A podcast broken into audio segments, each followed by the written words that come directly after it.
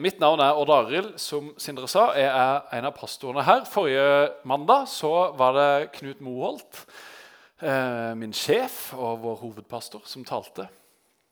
Eh, og nå er det fokus på eh, litt sånn personer i Bibelen. Og jeg er litt sånn spent på dere som er her, for jeg kjenner jo noen av dere. Mange av dere kjenner jeg ikke. Men nå skal vi ha litt sånn der, uh, trening. Så dere skal bare løfte opp en arm hvis dere kjenner dere igjen. på en måte. Har, du, har du gått på søndagsskole når du var liten opp med en hand? Litt sånn høyt opp som vi ser Det det nesten, det kan være at det er en outer noen ved å snu spørsmålet her, merker jeg. Men jeg håper, jeg tror det, jeg synes jeg så en som ikke har, i hvert fall, så det er kanskje noen av som ikke har gått på søndagsskole. Eh, hadde du en barnebibel når du eh, var liten, som kanskje mamma eller pappa eller noe sånt leste i opp med en hånd? Ja. Det var jo egentlig kanskje nesten enda flere. Eh, og da er spørsmålet mitt eh, Kjenner du historien om Josef som ble kasta i en brønn av brødrene sine og solgt som slave til Egypt opp med en hånd? Mange av dere kjenner historien om Josef. Og sånn er Det Det hadde vært veldig gøy hvis det var enda flere her som ikke kjente historien om Josef fra før. Veldig bra at dere gjør det, Men ta gjerne med noen neste gang som ikke har peiling på Peter når eh, det skal snakkes om han. Om to ganger, som ikke er så kjente med hverandre. Touchpoint er nemlig til for Altså Visjonen til Touchpoint er å nå mennesker som er borte fra Gud og menighet, og gjøre dem til etterfølgere av Jesus. Det betyr at Vi ønsker at nye mennesker skal komme til tro. Mennesker som enda ikke har fått møte Jesus. Mennesker som enda ikke kjenner historien om Josef. Eller Daniel i løvehulen, som Knut snakka om sist. Eller om Peter, som kommer om to uker. Men i dag er det altså Josef. Eh, og Kanskje du liksom tenker ah, jeg har hørt historien tusen ganger før. og hva er vitsen med dette her og sånn.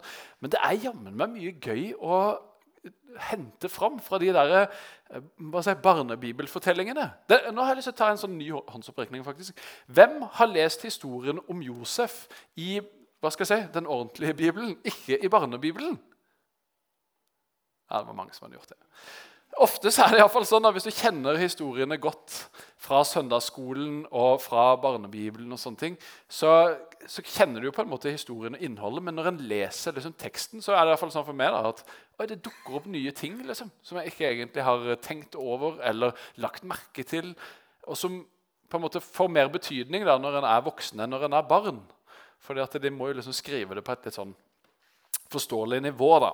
Men det er masse vi kan lære av Josef, og jeg har valgt Josef fordi han er min favoritt i eh, Det gamle testamentet. Det er liksom Jesus er jo favoritten, eh, og det er noen andre sånn favoritter i Det nye testamentet, men av de der eh, gammeltestamentlige folka Josef er bare helt konge. Han er rå. Skulle ønske jeg var som Josef. Bare sånn kjapt, Nå kan jo dere historien om Josef, da, men hvis noen ikke kan eller ikke husker den så godt, så tar jeg sånn kjapt resymé. Josef han var nest yngst i en søskenflokk på tolv. Og han var den som Jakob, pappaen hans, likte aller best. Det synes jeg er interessant at det står. Eh, og Josef han fikk en kappe som var veldig fin av pappaen sin fordi at Jakob likte Josef bedre enn de elleve andre søsknene. Eller brødrene. De hadde søstre òg, for den saks skyld. Så de andre brødrene var misunnelige på sin bror eh, og likte han skikkelig dårlig. Og så var det sånn at Plutselig så fikk Josef eh, drømmer på kvelden eller på natta eh, om at han ja, altså Betydningen av drømmene var at brødrene og foreldrene skulle bøye seg for han.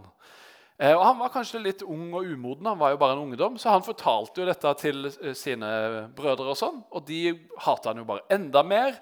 Skal vi liksom bøye oss for du? Du er jo nest yngst, og vi er eldre, og det var veldig viktig i den kulturen der. ikke sant, sånne ting. Så de syntes Josef var skikkelig dust. Og han kunne jo kanskje, eller, altså han var en ungdom. Han var umoden, så han eh, fortalte det sånn. Og kanskje det var jo riktig å fortelle det. For det viser seg at han hans drømmer er sanne. Da. De går i oppfyllelse seinere, får vi vite.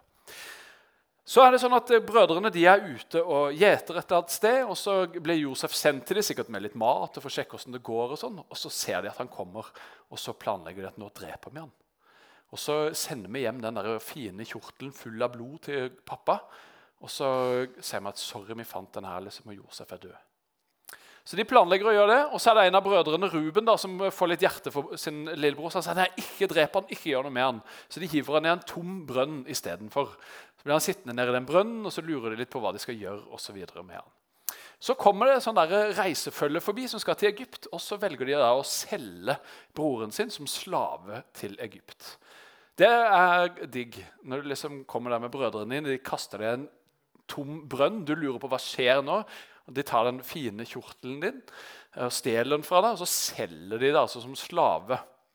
Da skjønner du at det, ja, det er søskenkjærlighet. Det var det ikke i den gjengen der. I hvert fall ikke med han. Og Så eh, slakter de eh, en geitebukk og tar blodet på denne kappa, sender den hjem til Jakob og ser at åh, det er kjipt, Josef må ha vært, blitt drept. Vi fant denne her. Eh, og Jakob blir jo kjempelei seg, selvfølgelig, og alt mulig sånn. Og Så kommer eh, Josef da til Egypt. og Der blir han solgt til en kar som heter Potifar, som er hoffmann til eh, farao, som liksom er sjefen i Egypt. Og Så, begynner, så blir han slave der.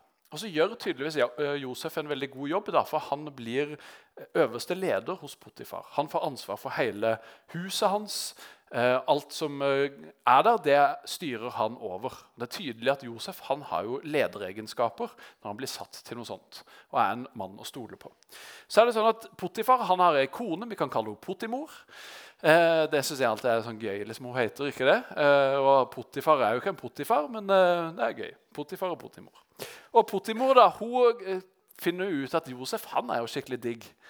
Eh, så hun begynner å prøve seg på, eh, på Josef. Da, og det står det 'Kom og ligg med meg', står det at hun sier med en gang. liksom.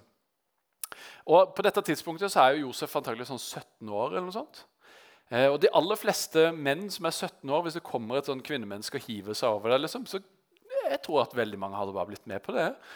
Eh, og ja, Han kunne jo bare tenkt at det er sikkert ingen som vil vite om det. Og så. Men han sier nei.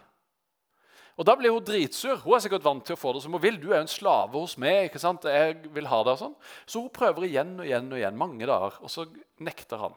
Og Til slutt så tar hun tak i kappa hans eh, og holder han fast. Jo, kom og ligg med meg. Og så nei, sier han, og lar eh, kappa gå i gulvet. Og da er hun Det er, det sånn typisk damer. Hun er så sleip, hun der Pottimor. Da får hun en god idé. vet du. Å, Nå sier jeg at han prøvde seg på meg. Og her er jo beviset. Han tok av seg kappa. Og så begynte hun å skrike. da. Han prøver å voldta meg. liksom sånn. Og sa da at det var det som hadde skjedd, og at Josef derfor løp ut. Så det ender med at Josef han blir sendt i fengsel for noe han ikke har gjort. Han har gjort alt rett og blir allikevel sendt i fengsel. Veldig gøy, så kommer han i fengsel. Så, eller veldig gøy er det jo ikke, men det som står eh, Der skal jeg få det opp på skjermen etterpå. skal bare bli ferdig med å fortelle historien. I fengselet så blir han også satt til å være leder for alle de andre fangene og til å styre dette fengselet mens han er fange. Det er veldig fascinerende. Og så det da, eh, kommer det to stykker inn der, munnskjenken og bakeren til farao, som òg har drømmer. Og eh, Josef han, er, han kan tyde drømmer. Han har noen gaver fra Gud. I hvert fall så sier han det at det er Gud som kan tyde drømmer. Bare fortell meg hva dere har drømt, så vil han forklare hva det betyr. Og Så forteller de drømmene, og så sier Josef til han kjøkkenmesteren da, at du kommer til å få jobben din tilbake om tre dager og fortsette å skjenke vin til farao. Og bakeren du kommer til å bli hengt om tre dager. Og så er det akkurat det som skjer. Og så Når han der kjøkkenmesteren da, blir eh, løslatt og skal tilbake og jobbe for farao, så sier Josef fortell om meg. da. Eh, og det glemmer jo selvfølgelig han kjøkkenmesteren. Typisk. Så går det to år. Josef henger i fengselet fremdeles. Og så er det farao som har en drøm. Han har faktisk to drømmer samme natt. Og Han har jo drømmetydere. Det hadde jo farao selvfølgelig på den tida. Ingen av de klarer å tyde drømmen. Da kommer kjøkkenmesteren du, det er jo en sånn der luring i fengselet. Han kommer egentlig fra Israel eller Kanan, eller hva de kalte det landet på den tida. I hvert fall ikke Israel, sikkert Kanan. Han er en hebreer, sa han. Han, han tyda jo min drøm. Og Så får farao Josef til å komme, og så forklarer Josef eh, drømmene, som var veldig rare. Men eh, det, betyr, det Josef sier, at nå kommer det syv gode år, og så kommer det syv år med hungersnød. Det du må gjøre, farao, det er å samle inn alt overskuddet fra de syv åra, så han har liggende til de syv dårlige åra. Og så sier farao, du er jo genial. Du må styre dette greiene her. Så blir farao løslatt. Så blir han på en måte statsminister i Egypt. Det er bare farao som er over Josef. Og så får han ansvaret for å samle inn alt det ekstra som kommer inn i de syv åra. Og så får han ansvaret for å fordele det ut og selge til naboland og andre som sliter under hungersnøden i de syv åra. Og det er da plutselig de her brødrene dukker opp i historien igjen. da. For da må jo de reise til Egypt, for der har de hørt at der har de jo korn og der har de mat. Så reiser de tilbake, og så møter de på Josef. Og så driver han og leker litt med dem. Kanskje han kjenner på at det er litt vanskelig å se brødrene sine igjen. Han er både glad i dem, men de har jo solgt han, hvem vet. Det skjer for De må reise tilbake og hente Benjamin, yngstebror. Masse greier. Ender det opp med at han til slutt sier at det er Josef. Han som dere solgte som slave, er blitt statsminister i Egypt. Dere kan komme og flytte hit, bo her, og vi kan ha det godt. Og så gjør de det. Og så ender historien godt. Josef tilgir brødrene sine. Og Jakob, pappaen, flytter med hele slekta til Egypt. Og Sånn havner israelittene i Egypt, og så bor de der 400 år. Så blir de gjort til slaver underveis, og så kommer Moses inn i historien, som leder de tilbake igjen til Israel. Helt annen historie. Men det var sånn de endte opp i Egypt. Og det var pga. Josef. Nå skal jeg bare plukke fram noen vers fra denne historien. Den finner dere for, for øvrig i første Mosebok, den første boka i Bibelen, i kapitlene 37-50. Eh, jeg leste hele før i dag, så det tok ikke så veldig lang tid mens jeg lå på Svaberget. Ehm, og Kjempeinteressant og gøyal historie. Eh, og så skal jeg plukke ut bare noen sånne få ting. For Etter at brødrene har slengt han i brønnen og solgt han som slave, så kommer den setningen her. Og jeg synes bare Ordet 'menn' er så gøy. egentlig. Men medianittene solgte Josef til Egypt, til Potifar, som var hoffmann hos farao og sjef for livvakten. Altså, Det så ut som at de hadde gjort det verste de kunne gjøre. Og så dukker det opp et lite 'men'. For det er ikke det som er slutten på historien. Midianittene selger han ikke til hvem som helst, men til Potifar. Og Der får han en spesiell stilling. Og han lykkes, og det går bra. Og Vi kan se videre i noen andre vers som dukker opp inne i historien her. Dette er Når han har blitt sjef hos Potifar, så står dette her. Herren var med Josef og lot ham lykkes. Han ble boende i huset til sin egyptiske herre. Herren hans så at Herren Altså, Potifar så at Gud var med Josef og lot han lykkes i alt han gjorde. Josef vant velvilje hos herren sin og ble hans tjener. Potifar satte han til å styre sitt hus og alt han eide. Og fra den tid egypteren satte ham over sitt hus og alt han eide, velsigna Herren hans hus pga. Josef. Det syns jeg er kult, det siste som står der. Pga. Josef, at han er tjeneren til Potifar, så velsigner Gud alt som er Potifar sitt. Huset hans sitt, buskapen hans sin, familien hans sin. Alt blir velsigna. Hvorfor? Jo, pga. Josef. Fordi at Josef er Guds mann. Josef er velsigna av Gud. Josef er utvalgt av Gud til en spesiell oppgave. Og Josef blir satt hos Potifar, og det får gode konsekvenser og ringvirkninger for Potifar. Det syns jeg er kult. Litt mer av, noe av det som står i historien her. Så blir han satt i fengsel. Dette sa jeg jo i stad, men der kommer det da. Men Herren var med Josef og viste han godhet. Han lot ham finne godvilje hos fengselsbestyret. Han lot Josef ta hånd om alle fangene i fengselet og alt som skulle gjøres der. For Herren var med Josef. For Herren lot alt han gjorde, lykkes for ham. Det høres ikke ut som det stemmer. At Gud lar alt lykkes for Josef når han blir kasta i fengsel for noe han ikke har gjort. Når kjøkkenmesteren glemmer å fortelle om ham, så han blir sittende enda lenger i fengsel. Det står det at når Josef var 30 år, så slipper han ut av fengselet. Og han kom kanskje inn når han var 17. Det betyr at han satt 13 år i fengsel for noe han ikke hadde gjort. Fordi han bare hadde vært god og redelig og ja Liksom sånn overgod, nesten, vil jeg si, når han avsto fra Potimor. Men Gud var med ham, og Gud hadde en større plan. Kan du trykke en gang til, for jeg husker ikke hva som kommer. Er ikke sant? Spørsmålet mitt i dag det er hva kan vi lære av Josef? For de personene i Bibelen, de historiene som vi leser om og lærer og hører, det er mennesker akkurat som du og meg. Den historien her er jo flere tusen år gammel. Og så er det så lett å kjenne seg igjen i det som skjer. Det er veldig hverdagslig. Altså, det er jo helt psycho. på en måte. Han blir kasta i en brønn og solgt som slave, og sånn, men det er liksom eh, sjalusi og misunnelse innad i en søskenflokk. Det er begjær fra hun der Pottimor og følelsene der. Det er urettferdig behandling osv. Så, videre, og så kommer eh, møter han brødrene igjen. Kanskje han kjenner på hevnlyst. Han velger å tilgi. Altså, det er ting som vi kjenner oss igjen i. Kjempegammel historie. Allikevel så er menneskene så like. Omstendighetene rundt og kultur og alt mulig sånn veldig forskjellig. Men på innsida også. Hva er det vi, hva er det du og jeg kan lære av Josef? Jeg tenker, jeg har sykt mye å lære av Josef. Josef må ha vært en fantastisk fin type. Og Det synes jeg er litt interessant når jeg leser om de her menneskene i Bibelen.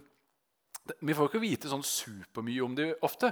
Og det står jo ikke sånn der, ja, han, eh, Er noen som har tatt Myers-Briggs som personlighetstest her noen gang? Oppe han igjen, var så gøy i stedet når jeg tok opp han.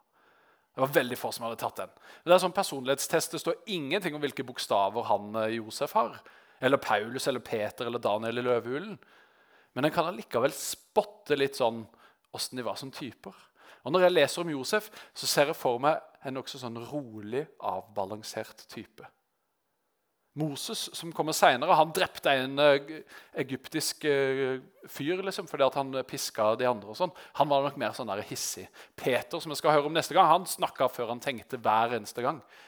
Det er veldig lett å spore liksom, og se. Mens Josef han virker som en sånn lugn type. Og noen av dere er sånn lugne typer som kanskje kjenner dere litt igjen i Josef. Andre kjenner seg igjen i andre, som jeg er litt ulike. Men jeg tror alle kan lære noe av alle, og særlig av Josef. tenker jeg. Og Det er tre ting som jeg tenker på at vi kan spesielt lære. Det er egentlig veldig masse vi kan ha lært. Det er masse jeg kan ha snakka om med Josef. Men jeg har valgt integritet, ydmykhet og tillit. Og De to siste henger egentlig sammen. Eh, og Integritet er et litt sånn vanskelig ord, så dere skal få en liten definisjon på det her. Integritet er et uttrykk som handler om samsvaret mellom en persons verdier, prinsipper og handlinger. Det motsatte av integritet det er hykleri. Og greia er det at En sier noe, og hvis en står for det en sier, og handler deretter, så har en integritet. Hvis en sier noe og gjør noe annet, så er en en hykler. Vi kristne blir veldig ofte kalt for hyklere. Fordi at vi sier at vi følger etter Jesus. og Når en ser det, så forventes det at vi gjør godt mot andre for eksempel, og ikke ljuger og ikke stjeler. masse sånne ting. Allikevel så gjør vi masse sånne greier. Ofte. Og så er det mange som syns at vi er hyklere. Men hvis vi alltid gjorde på en måte det som vi sa at vi skulle, hvis vi holdt oss til prinsippene våre, verdiene våre, det vi holdt høyt og sa at var viktig for oss, og handla deretter, så har vi integritet. Og Josef han hadde integritet. og I møte med Pottimor så er det spesielt synlig. Hun kommer altså og kaster seg over ham og vil ligge med ham. Og han er jo eh, en ung mann, sikkert full av eh, testosteron og lyst og i det hele tatt. Sånn som sånne 17 år gamle gutter ofte er. Eh, og så, Dette kommer ikke opp på skjermen, men hun sier 'ligg med meg', sa hun. Men han ville ikke og sa til henne, 'Se, min herre trenger ikke å bekymre seg for noe i huset.' 'Han har latt meg ta hånd om alt.' 'Han er ikke større i dette huset enn meg.' 'Han har ikke nekta meg noe, unntatt du, for du er hans kone.' 'Hvordan skulle jeg kunne gjøre så ondt og synde mot Gud?' Dette var første gangen hun kom, og så står det at hun kom igjen og igjen og igjen. Men han har altså noen verdier. Der er Potifar han har satt meg til å styre dette huset. Jeg kan jo akkurat som jeg vil. på en måte. Bortsett fra du, for du tilhører Han. Og det vil ikke jeg rokke ved. Og så har jeg Gud som den øverste i mitt liv. Jeg vil følge hans vei, følge hans plan. Og åssen kan jeg synde og gjøre noe så ondt mot Gud? Selv om kanskje lystene mine forteller meg at ja, dette har jeg lyst til. Det kan jo være at han syns at hun var ingenting og dritstygg og sånn. Hvem vet? Men eh, kanskje ikke. Han hadde i hvert fall integritet, og det er noe som vi kan lære å ta med oss i livet. Hva er det som er viktig for du i livet? Hvilke verdier står høyt hos deg? Og For de av dere som er kristne, så, så, sier han at ja, jeg tror på Jesus. Jeg har lyst til å følge etter han. Og dette er Guds ord. Dette er det han har gitt oss. Men den beste veien å leve. Og Når vi sier at ja, jeg er kristen, så sier jeg at jeg har lyst til å følge Gud og hans ord. Og da handler integritet om å faktisk gjøre det. Og Det kan minst like handle om Det er veldig lett å bli sånn der, Sånn som Fariseerne var veldig opptatt av å skulle holde alle lover og regler. ikke sant? Eh, og sånn kan jo vi òg bli. Kjempeviktig å holde alle lovene og reglene. Men det klarer vi jo ikke alltid. Og hva gjør en da når en ikke klarer å holde alle lover og regler? Ljuger en og prøver å glatte over det, feier det under teppet? Føler liksom å framstå bra og sånn. Det har jeg gjort mange ganger. Dritt meg ut, gjort noe jeg ikke burde, og så har jeg sett fin ut for de andre og sagt ah, det er jo ikke noe problem. Det får jeg jo til. Og så har det vært løgn. Det det er ikke integritet, det er hykleri. Mens hvis en velger å si at 'sorry, jeg dreit meg ut', kan du tilgi meg? Det var løgn, det jeg sa. Det var feil, det jeg gjorde. Det var vi som stjal de pengene. Da bygger en på en måte opp igjen integriteten sin. Alle snubler og faller og driter seg ut, men hva gjør en etterpå? Der kommer òg integriteten inn. Så det handler ikke alltid bare om å gjøre alt riktig. Men hva gjør du de gangene der du tråkker feil? Det kan vi se på David, f.eks. Han gjorde jo masse dritt. Jeg skal ikke gå inn på David nå. Da roter jeg meg vekk. Integritet det betyr egentlig å være helhjerta. Å være helhjerta. Vil du være helhjerta? Vil du stå for det som du sier? Vil du handle deretter? Ord og gjerning går hånd i hånd. Det andre som vi kan lære av eh, godeste Josef, det er ydmykhet og tillit. Kan trykke videre. Yes. Josef han var ikke på førsteplass i sitt eget liv. Det var Gud som var på førsteplass i Josef sitt liv. Og det kan vi lære. Det er egentlig det når vi sier at jeg er en kristen, jeg vil følge etter Jesus, du skal være herre og frelser i mitt liv, så sier vi egentlig at du skal ha førsteplass i mitt liv. Og Hvis vi har integritet, så vet vi at vi handler deretter. Det gjorde Josef. Og Det var veldig tydelig og veldig synlig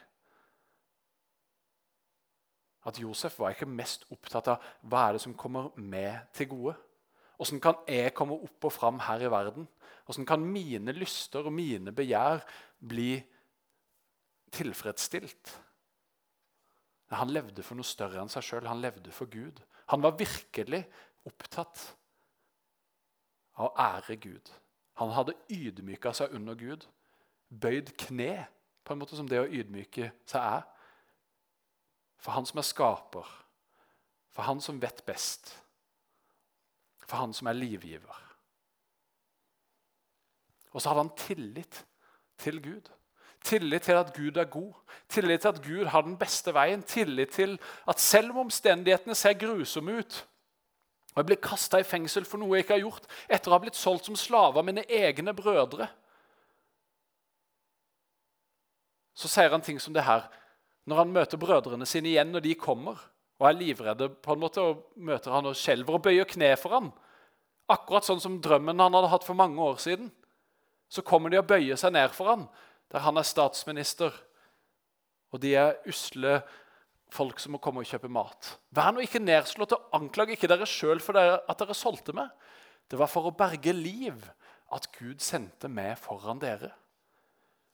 Josef er helt rå. Han klarer å se dette i et større perspektiv. Han har alle muligheter til å bli bitter, til å være sur, til å anklage Gud, til å hate sine brødre. Men han bare løfter blikket og har et helt annet perspektiv på situasjonen. Og så kan han se at det var for en grunn. Det var for å berge hele Israels folk at Gud valgte å sende meg. Han kunne jo kanskje ha gjort det på en litt enklere måte, da, men Josef han var villig til å betale prisen. Han var villig til å gå den veien det kosta. Han hadde ydmyka seg under Gud og stolte på at Gud har en vei som er bedre enn det jeg kan se for meg. Og Han hadde tillit til at Gud ville lede ham på den veien og hjelpe ham. Og så er det helt til slutt her da, så er det Jakob, faren. Det er siden Han dør mot slutten av historien, og da blir brødrene kjemperedde igjen. For det er sånn, oi, nå er jo Jakob død. Kanskje han nå kommer til å hevne seg på oss, nå som pappa er ute av veien. Så de kommer litt sånn skjelvende til han, Liksom. 'Pappa sa at du måtte tilgi oss.' tror ikke han hadde sagt det. De bare jugde. Så sier bare Josef, vær ikke redde. Jeg er Guds sted. Er det vi som er Gud? Er det vi som skal dømme? Nei. Jeg er på andreplass. Jeg. Jeg har valgt å ydmyke meg under Gud. Han er på førsteplass. Jeg har tillit til at han vet hva som er den beste veien. Dere tenkte å gjøre ondt mot meg, men Gud tenkte det til det gode, for han ville gi liv til et stort folk. Igjen så bare viser han det der perspektivet sitt, der han evner å løfte blikket, der han ikke graver seg ned i sin sjølmedlitenhet, i sin vanskelige situasjon, i alt det som han kunne ha rota rundt i. Som ikke hadde vært til det beste for han, som ikke hadde vært til det beste for noen. Og som er så fryktelig lett å gjøre når ting går mot oss. Når vi blir ramma av sykdom som oppleves urettferdig. Når kjipe ting skjer med oss. Og særlig urettferdighet, er sånn som Josef opplever igjen og igjen og igjen. Så velger han å løfte blikket og stole på Gud. Og si at han har sikkert ropt til Gud. Det tror jeg er veldig naturlig. David han er supermann til å fortelle om det i salmene, rope til Gud. Men han òg velger å ha tillit til han, og jeg tror Josef var akkurat lik. Hvorfor lar du dette skje med meg, Gud? Han har hatt god tid til det i fengsel, han har hatt god tid til det hos Potifar. Men han har rota rundt og så er jeg sikker på at Gud har kommet og møtt ham. Og Vist han nåde, vist han kjærlighet, vist han at han har en bedre vei for ham. Og Så har han valgt å ydmyke seg under Gud, så har han valgt å tilbe Gud. Så han valgte å si at ok, det er din vilje, det er din vei, det er din plan. Det er den jeg går for. Det kan vi virkelig lære av Josef. Det kan jeg lære av Josef, og det er jeg overbevist om at du òg kan. Å være en kristen det handler rett og slett om det å ydmyke oss under Gud og si at det er du som er Gud. Det er du som vet. Det er du som har skapt. Det er du som kjenner fortid og nåtid og framtid. Du har en plan, du har en vei, du har en vilje. Jeg vil at du skal være på førsteplass i mitt liv. Det kan vi lære av Gud, av Josef. Nest siste bilde, tror jeg, og siste bibelvers. Sindre leste det til åpning her i stad. Det står i Romerne 8,28. Det passer bra på den 28. i 8., fant jeg ut i stad. Alt tjener til det gode for den som elsker Gud. Det står ikke at alt blir bra hvis du elsker Gud. Å elske det er sånn klissete ord for mange. Å elske det handler om å velge å gå Guds vei selv når det koster. Det handler ikke om gode følelser. Det handler først og fremst om valg og prioriteringer. Om integritet, om ydmykhet om tillit. Det er å elske Gud. Velge å gå hans vei. Og Da står det ikke at alt blir bare bra, og du unngår alt av sykdom og nederlag. og Du får toppkarakter på alle eksamener og får den jobben du vil ha. og Alle dine drømmer blir oppfylt. Det er ikke det det betyr. Det betyr at til tross for at omstendighetene ser kjipe og vanskelige ut, til tross for at en møter motgang, til tross for det som livet bringer Uansett hvor urettferdig det måtte være hvis vi våger å ydmyke oss for Gud og stole på han og ha tillit til han, så blir det til det gode. Det blir til noe godt. Det blir til det beste. Uansett hvor håpløs situasjonen er. Og Det er Josef et supert eksempel på. Og Så står det den siste setningen, kanskje noen biter som merker det, lurer på hva det betyr. Dem han har kalt etter sin frie vilje. Har Gud liksom valgt ut noen få, da? sånn som Josef? Nei, alle, alle er kalt. Gud har kalt oss alle sammen. Etter sin vilje så er vi alle kalt. Han kalte deg før han skapte verden. Han døde for din og min skyld. Det var måten han viste det på. At du er kalt, at du er utvalgt, at du er elska. Og så er det opp til oss om vi vil ta det imot eller ei. Så alle er kalt etter Guds vilje. Hva vi gjør med det kallet, det er et annet spørsmål. Og Der kan vi lære noe av Josef. Så Det jeg har spurt om i dag, det er hva er det vi kan lære av Josef. Siste bilde, tror jeg. Ja. Hva kan vi lære av Josef? Vi kan lære integritet Å følge opp ordene våre med handlinger. Være helhjerta. Ydmykhet. Det det fins en Gud som er allmektig, som vet bedre, som har en større vei. Det, vi kan gjøre, okay, det er å bøye oss for Han og Hans vilje. Og ha tillit til at Han vet hva som er den beste veien. Tillit til at Han vil lede oss på den veien. Og så handler det da om å våge å tråkke ut i det ukjente noen ganger. Kanskje det er det det blir snakk om neste gang når det er Peter som er temaet, han som gikk ut på vannet. Så kan du stille deg dette spørsmålet og ta det med deg hjem herfra i dag. Hvordan kan dette se ut i mitt liv? Hvordan kan integritet se ut i mitt liv?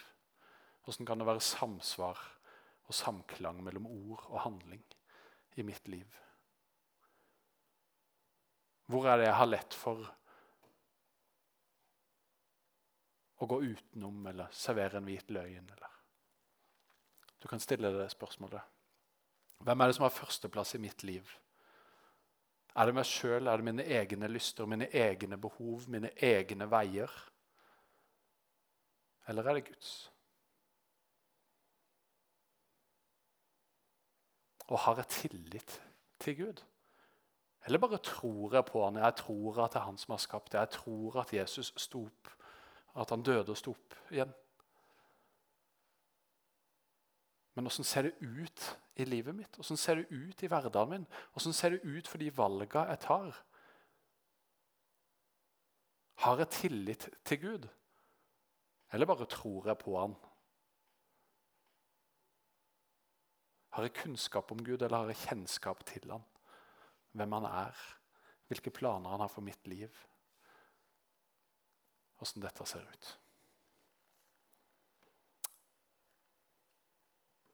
Hva kan vi lære av Josef? Vi kan lære integritet, ydmykhet, tillit. Åssen ser det ut i ditt liv? La oss be til slutt. Herre Jesus, jeg har lyst til å takke deg for din godhet, for din nåde, for din kjærlighet. Takk, Gud, for at du er en god Gud. Takk for at du vet hva som er til det beste for oss. Herre Jesus, må du hjelpe oss til å være sånn som Josef, som har integritet, og som har du på førsteplass, og som følger etter deg uansett om det koster. Du hjelper oss når vi faller.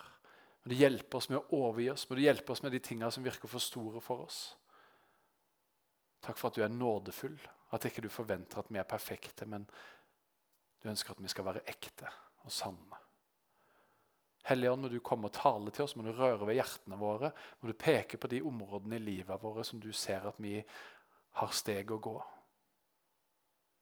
Der vi har noen valg å gjøre, og der vi trenger å ydmyke oss for det og overgi oss i dine allmektige hender. Takk for at du elsker oss. Amen.